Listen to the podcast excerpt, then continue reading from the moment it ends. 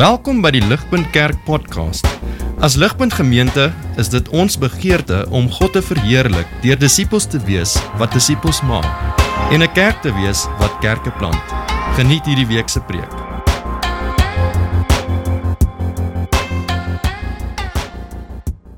Die New York Times het 2022 opgesom in 100 foto's fotos van die grootste en mees belangrikste gebeurtenisse deur die jaar op 'n globale front.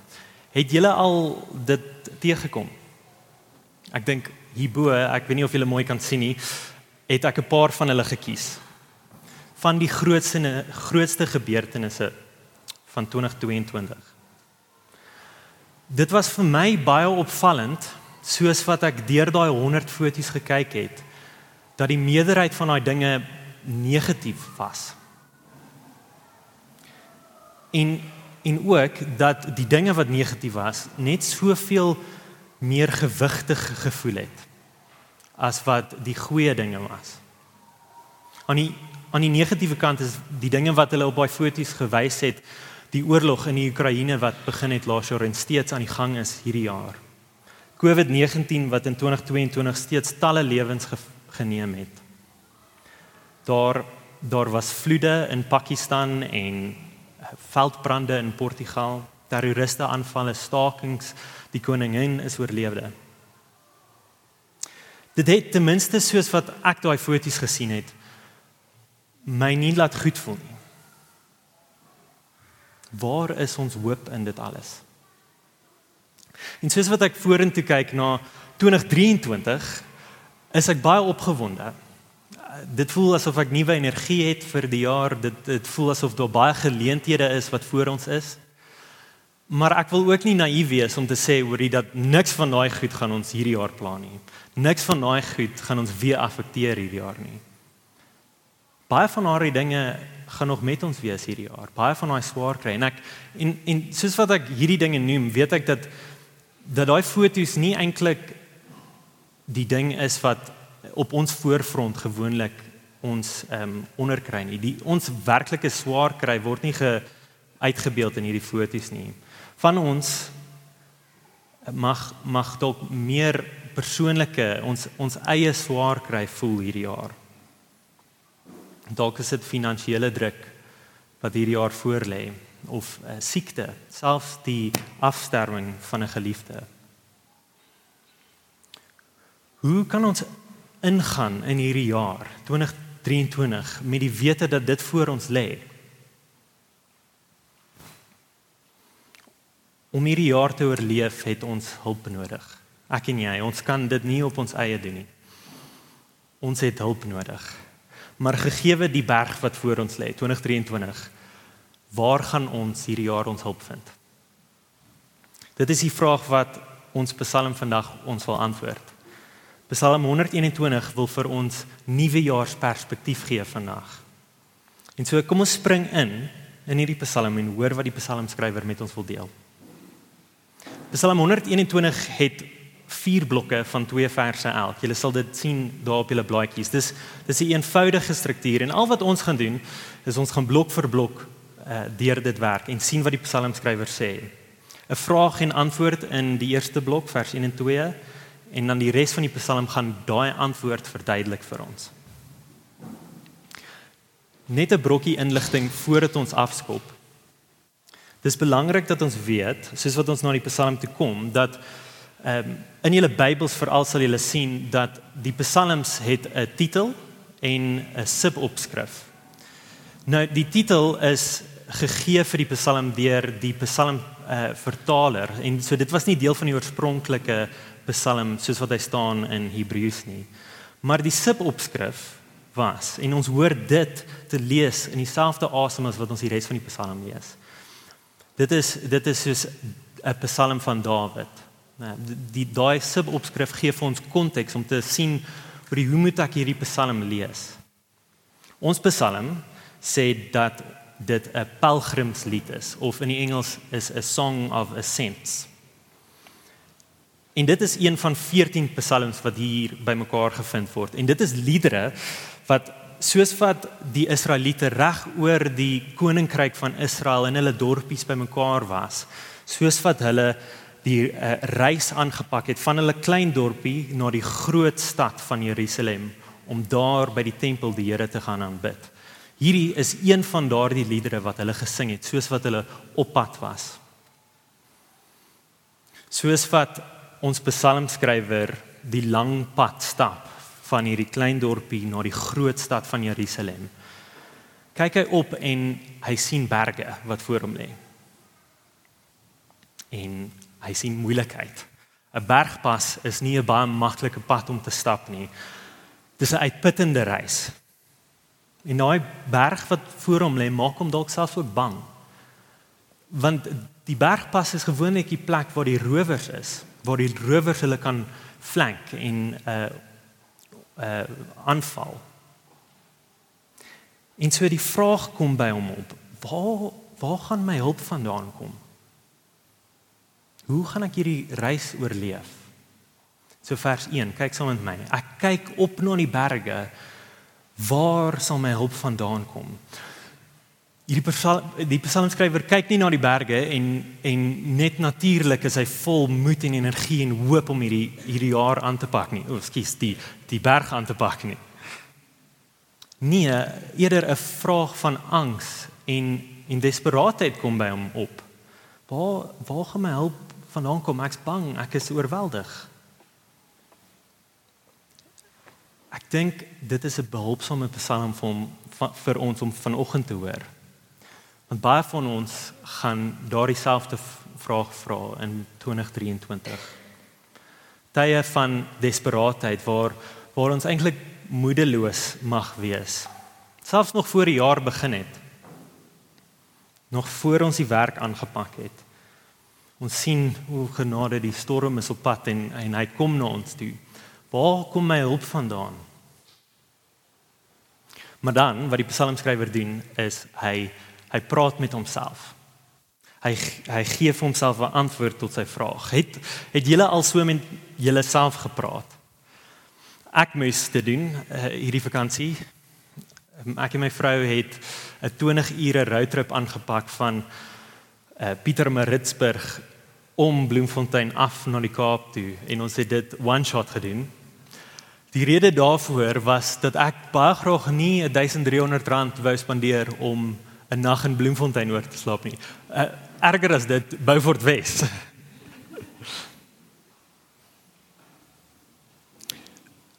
en Marielle so, so dit was 20 ure, 7 ure in die pad in. Toe daag ons eers in Bloemfontein aan en die hele pad af Kaap toe lê nog voor my. Ek was nie baie hoopvol op daardie stadium nie, so ek moes met myself praat en ek het myself gesê Stefan, onthou hoekom jy hierdie doen. Onthou die 1300 rand wat jy gaan spaar. Onthou, jy hoef nie vanaand in Beaufort Wes te slaap nie. Spaar jouself van dit. Dit het my uiteindelik daar gekry. Ons is veilig aangekom 12:00 die aand. Maar op pad terug van die Kaap af terug Pretoria toe het ek sonder om te dink die geld neergesit en in Bloemfontein oorgeslaap. Want want ek het agtergekom die my my motivering was nie baie sterk nie. Dit dit het nie langer as een keer gehou nie. Ek het ge, ek het agtergekom dit is nie 'n bemoedigende genoeg ding nie. Ons psalmskrywer vra 'n kritiese vraag. Waar kom my hulp vandaan? En ek wil hê ons moet sy antwoord bestudeer eerder as myne wat vol krag is en bemoediging. Vers 2. Kyk asseblief saam. My hulp is van die Here wat hemel en aarde gemaak het. Dit is daardie antwoord wat die man se hart laat bedaar. En selfs dit dit gee vir hom moed om hierdie bergpas aan te pak. My hulp kom van die Here wat hemel en aarde gemaak het. Aan die een kant bely hierdie man dat God soewerein is. God is die een wat die hemel en die aarde gemaak het. Hy het hy het hierdie berg wat voor my lê gemaak.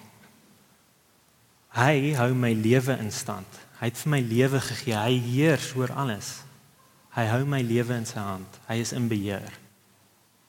Maar maar hoor ook die ander ontsettende belangrike deel van sy antwoord. Hy sê nie my hulp kom van God wat die hemel en aarde gemaak het nie.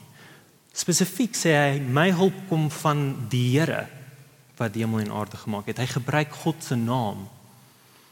Julle sal sien in julle Bybels en ehm um, op julle blaadjies in die Engels is daai daardie woord die Here of the Lord in hoofletters. Dit voel vir ons sê dat die naam agter daai uh, woord in die oorspronklike taal is vir Yahweh.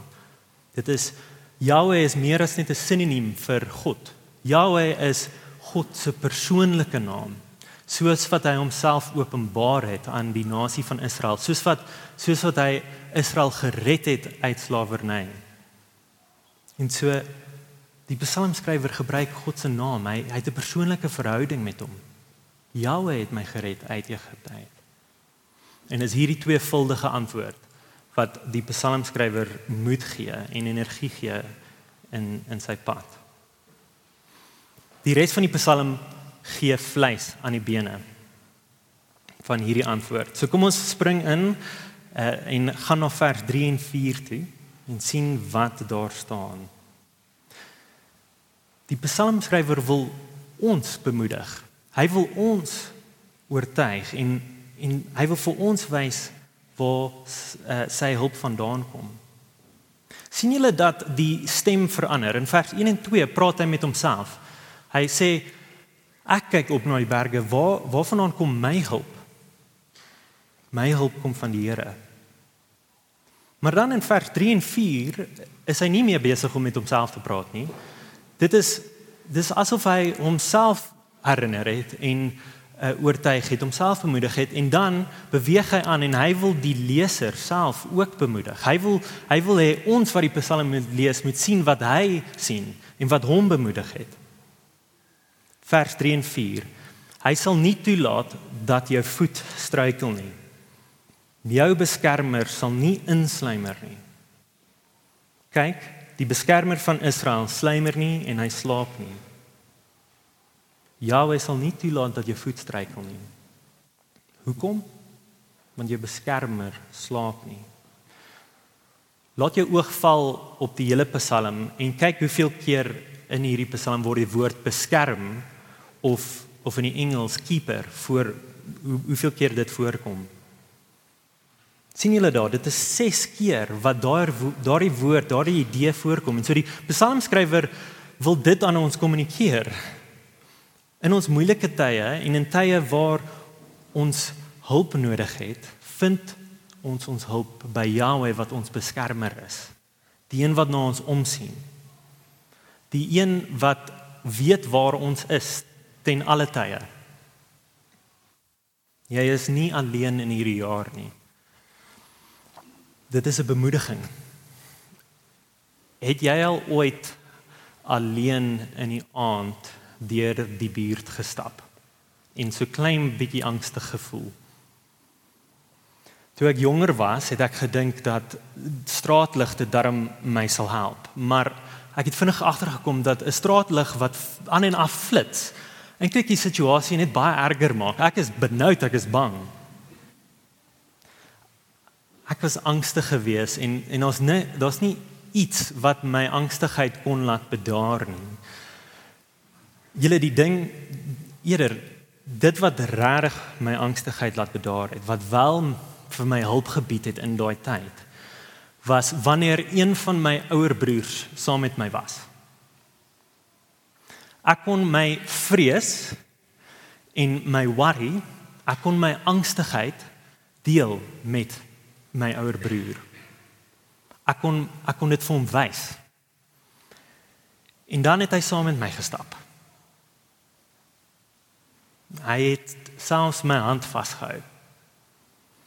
In daardie oomblik het ek geweet dat ek veilig was. Ek was nie bang vir die donker nie. Ek het geweet ek het 'n beskermer hier so langs my. Ek hoef nie te vrees nie. Ek kon rus van my angstigheid. Jesus die Here leer die Bybel vir ons is ons ouer broer. Ons ouer broer wat nie slaap nie. wat altyd waaksaam is oor ons. Ons kan bemoedig wees in hierdie jaar in onsekere tye want ons is nie alleen nie. Saam met dit dink ek hier gebeur ook 'n kontras. Kyk weer vers 4. Kyk, die beskermer van Israel slymer nie. Hy slymer nie in nie en slaap nie. Die ander nasies se gode en se beskermers, hulle mag dalk slaap en slymer, maar nie so met Jahwe nie. Hy raak nie eers vaak nie. En so hierdie is ook 'n vermaaning teen mense wat in ander nasies se gode vashou. Kan jy nie sien hulle slaap nie? 'n Storie uit die Ou Testament wat hierdie duidelik maak is die die storie wat ons sien in 1 Konings 18. Israel is in twee geskeur. Moet ons Jahwe volg of moet ons Baal, 'n heidense god volg? En die Here se se profeet Elia kom na hulle toe. Hy, hy kom na die Baal se profete toe in Israel en hy sê hier is twee altare. Bid tot Baal en as Baal self hierdie altaar aan die brand kan steek sonder dat enige van julle profete hom help, dan sal ons weet hy is regte God. En so dit is wat hulle te doen. Baal die Baalse profete 450 van hulle dans rondom die altaar. Hulle bid en bid en bid tot uh Baal. Maar daar is net stilte. In so 1 Konings 18 vers 27 sal op die bord verskyn. Hierdie is wat Elia toe doen. Hy sê teen middag het Elia hulle gespot en gesê roep harder want hy is mos 'n god. Dalk is hy in gedagte of sonder homself af of is op pad. Dalk is hy aan die slaap en moet wakker word. Maar niks gebeur nie. sien julle die punt? 'n Slapende God is niks werd nie. Baal is aan die slaap en hy het nie gekom na sy profete se hulp toe nie. Maar nie so met Jahwe nie. Hy is getrou. Wanneer jy hom nodig het, gaan hy daar wees. Daar's niks wat hom per ongeluk onkant kan vang nie. Maar jy mag dalk voel oor die ek in die stryd tussen Jahwe en Baal vandag is nie eh, dis nie regtig 'n kompetisie nie. Ons weet dat daar nie baie mense uh, op 'n Sondag Baal gaan aanbid nie. Maar kom ons wees waaksaam, ek en jy, om nie blind te wees vir die gode wat hierdie jaar voor ek voor ons lê, voor in hierdie jaar lê wat ons wil kry om hulle te aanbid nie. Wat beloftes gaan maak vir ons. Wat wil hê ons moet op hulle vertrou nie. Daar is baie gode hierdie jaar wat voor ons lê wat ons wil oortuig om ons hulp by hulle te vind. Dit is so maklik om geld ons God te maak. Geld wat sekuriteit en welstand bied, 'n gemaklike lewe beloof, Dit voel regtig asof geld elke antwoord wat ons dalk mag hê, eintlik kan antwoord, elke begeerte. En as mens geld na 'n probleem toe gooi, dan lyk dit asof dit verdwyn. Maar dan is daar ook ander gode hierdie jaar wat nie noodwendig 'n oplossing bied nie, maar eerder beloof vir afleiding of 'n skuilingsplek die god van drank sê hoorie drink genoeg aan my. Kom ontspan. Die god van pornografie sê kom vind 'n tydelike ontsnapping by my. Die god van sosiale media sê kom en bid my met al jou tyd. Ek sal jou eindeloos kan vermaak. Is daar dalk 'n ander god wat hierdie jaar voor jou lê wat verleidend lyk die gevaar wat Psalm 121 vir ons wil uitwys en die ding wat ek regtig nie wil hê met met my met jou en met my gebeur hierdie jaar nie is is dat ons wel na daai dinge toe hardloop. En dan wanneer ons op ons mees desperate, mees kwesbare plek staan en ons vra om hulp, dan verdwyn daai dinge. Dan is dit so stof in die wind. En dan gaan ons sien dat daai dinge eintlik maar slapende gode was. Geld kan nooit genoeg wees nie en dit kan nie elke probleem oplos nie. Geld kan nie 'n verhoudings ehm um, worsteling op uh, uh, genees nie. Drank bied geen oplossing of blywende verandering nie. Pornografie is 'n verwoestende gif. In movies en series kan nie regtig die hartseer in ons harte aanspreek nie. Daar's nie 'n enkele ander god buite die God van die Bybel, buite die Here wat nie op 'n stadium ons in die steek gaan laat nie. En so hierdie jaar kom ons skuil by Yahweh, want hy bring werklike verlossing. Kom ons kyk dan na vers 6 en uh, 5 en 6. Die Here is jou beskermer. Die Here is jou skaduwee aan jou regterhand. Bedags sal die son nie jou nie dodelik tref nie en snags ook nie die maan nie. Die Here is jou beskermer en jou redder. En sy beskerming is omvattend. Die Here is jou skaduwee aan jou regterhand. Hy is naby aan jou. Soos wat mense in daai tyd oorlog toe gegaan het, het hulle in hulle regterhand 'n swaard gehad of 'n spies en aan hulle linkerhand het hulle baie groot um, skerm shield gehad. Wat beteken dit? Hulle linkerkant was verdedig Hulle linkerkant was verdedig. Hulle was nie ontbloot of kwesbaar nie, maar die regterkant van hulle liggame was. En so wat jy sou doen in daai tyd is jy soek 'n vriend. 'n Vriend wat hier langs jou kom staan, wat vir jou skerming uh, bied hier aan jou regterkant. Die Psalm sê dat die Here daardie vriend is aan jou regterhand om bedreigings af te weer. Die God van die heelal is 'n vriend wat so naby aan jou staan. Bedag sal die son jou nie dodelik tref nie en snags ook nie die maan nie. Dis omvattend, oggend en aand. Die laaste strofe is opsommend. Vers 7: Die Here sal jou beskerm teen elke onheil. Hy sal jou lewe beskerm.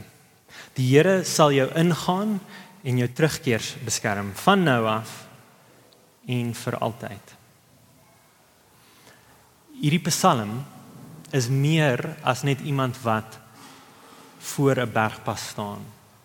Die psalmskrywer jy jy sien hy sê dit self. Dit is iets groters. Vers 6 en eh, vers 7 en 8 sê die Here sal jou lewe beskerm verby hierdie enkele bergpas van nou af en vir altyd selfs tot in ewigheid. Die psalmskrywer is bekommerd oor die hier en nou, maar ook dit wat kom. En hy sê ek ek vertrou op die Here. Hy is my beskermer tot verby die dood toe. En als elke aspek van spasie en tyd kyk hy na my. Jy mag dalk hierso sit vanoggend en skepties wees. Hoe hoe kan die psalmskrywer al hierdie dinge sê? Hoe kan dit moontlik wees dat God sy hierdie woorde hierdie beloftes kan hou? is dit nie 'n overpromise nie. Hier is die laaste 3 dinge wat ek wil noem waarmee die psalmskrywer ons wil los in ons lewens soos wat ons in 2023 instap. Die eerste ding is hierdie psalm beloof nie dat jy nie swaar kry gaan beleef nie. Die berge lê steeds voor hierdie psalmskrywer en ons lewe steeds in 'n gefalle en 'n gebroke wêreld waar daar swaar kry is. En in hierdie in hierdie jaar self gaan ons allerlei uitdagings beleef wat ons gaan toets. En ons moet gereed wees vir daardie werklikheid. Maar die psalmskrywer gee vir ons perspektief in dit.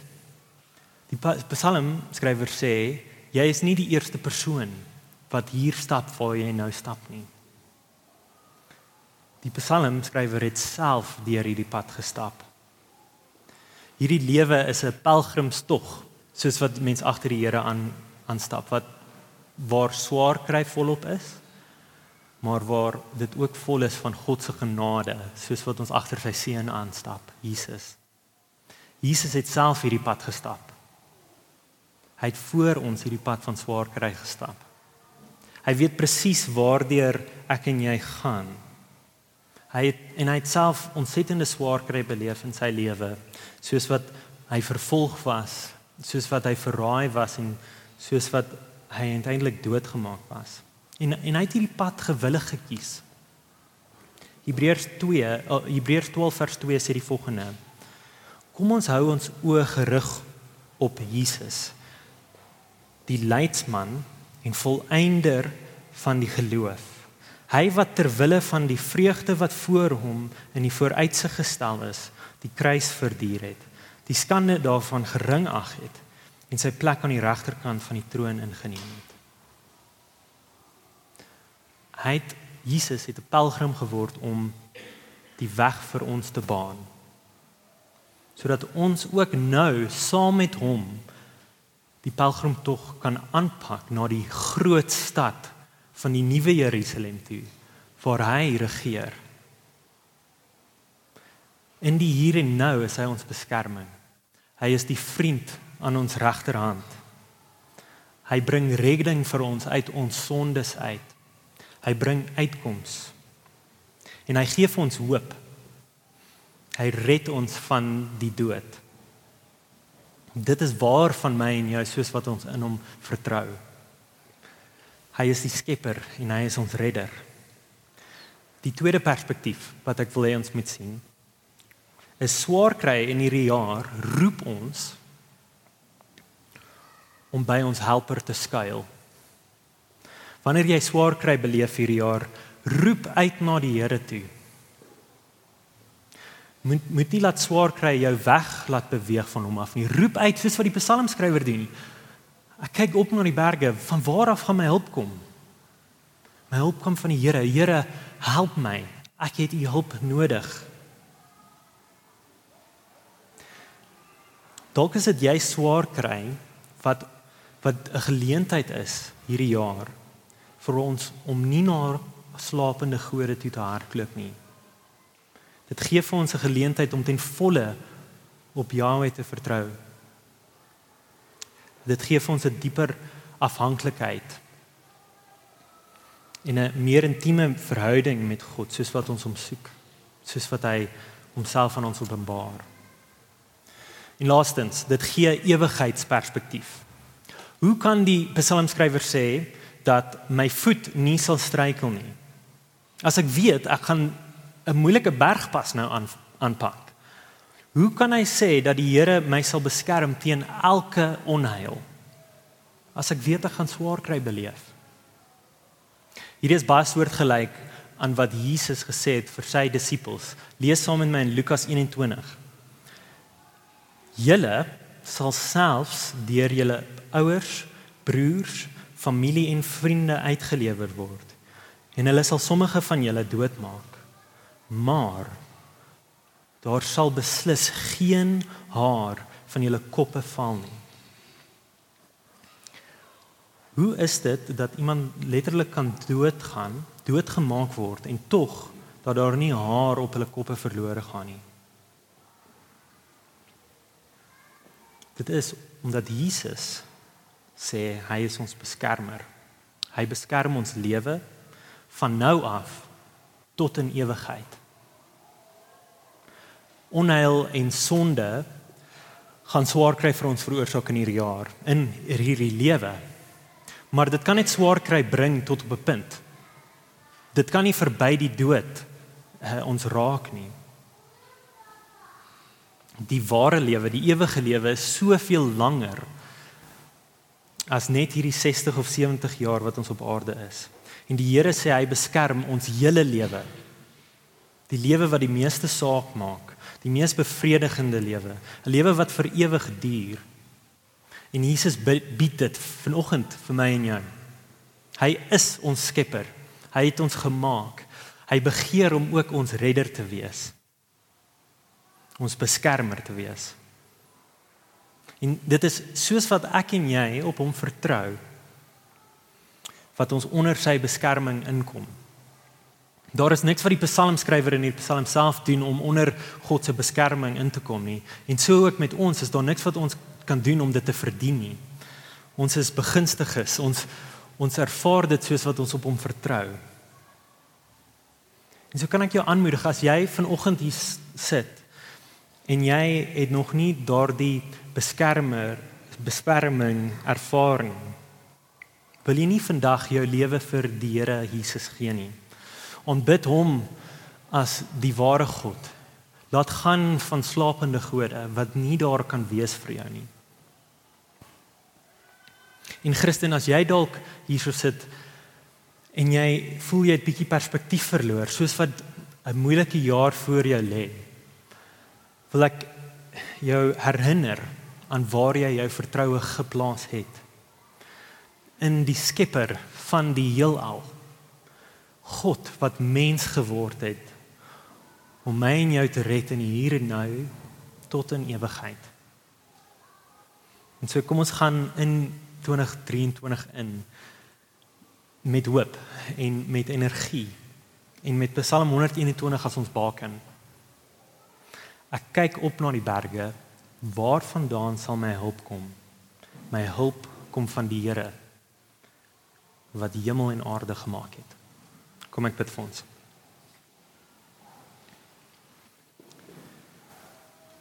Ons Vader, ons God. Here baie dankie dat ons die geleentheid het om weer 'n nuwe jaar te begin. Here, dankie vir Psalm 120.